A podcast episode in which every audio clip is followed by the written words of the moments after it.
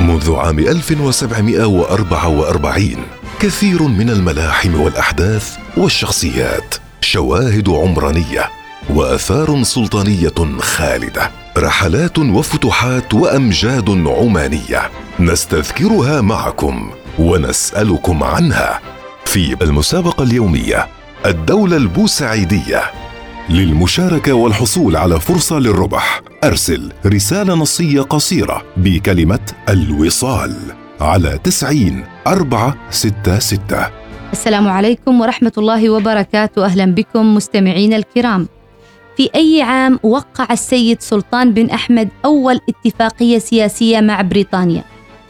بدأت الصلات السياسية بين عمان وبريطانيا منذ بداية ظهور المصالح البريطانية في الهند وبلاد فارس ومنطقة الخليج وذلك في القرن السابع عشر الميلادي وحرصها على التنافس مع القوى الأوروبية الاستعمارية مثل البرتغال وهولندا وفرنسا.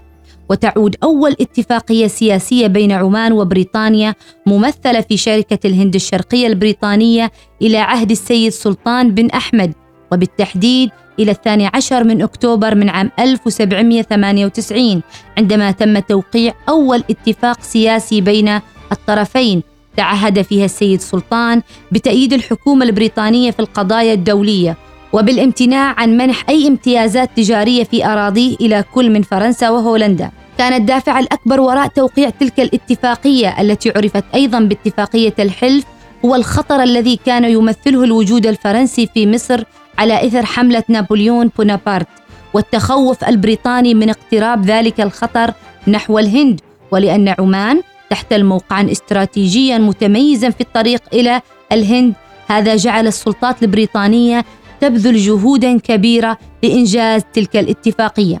أهم بنود اتفاقية 1798 التي تتكون من سبع مواد اختصت المادتان الأوليان منها بالتأكيد على إرساء علاقات الود والصداقة بين شركة الهند الشرقية البريطانية وحكومة مسقط.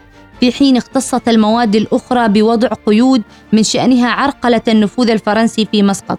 كما تعهد بمقتضى المادة الخامسة من هذه الاتفاقية بأن يقف إلى جانب السفن الإنجليزية إذا ما نشب صراع بينها وبين السفن الفرنسية في المياه العمانية.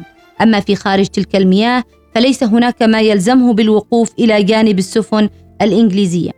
ولعل أهم ما نصت عليه الاتفاقية هو إطلاق المجال للإنجليز لإنشاء وكالة تجارية في بندر عباس وكان ذلك الميناء تابعا لعمان حيث أقرت لهم الاتفاقية أن يقوموا بإعداد الوكالة وتحصينها وإبقاء حامية عسكرية بها تتألف من 700 أو 800 جندي.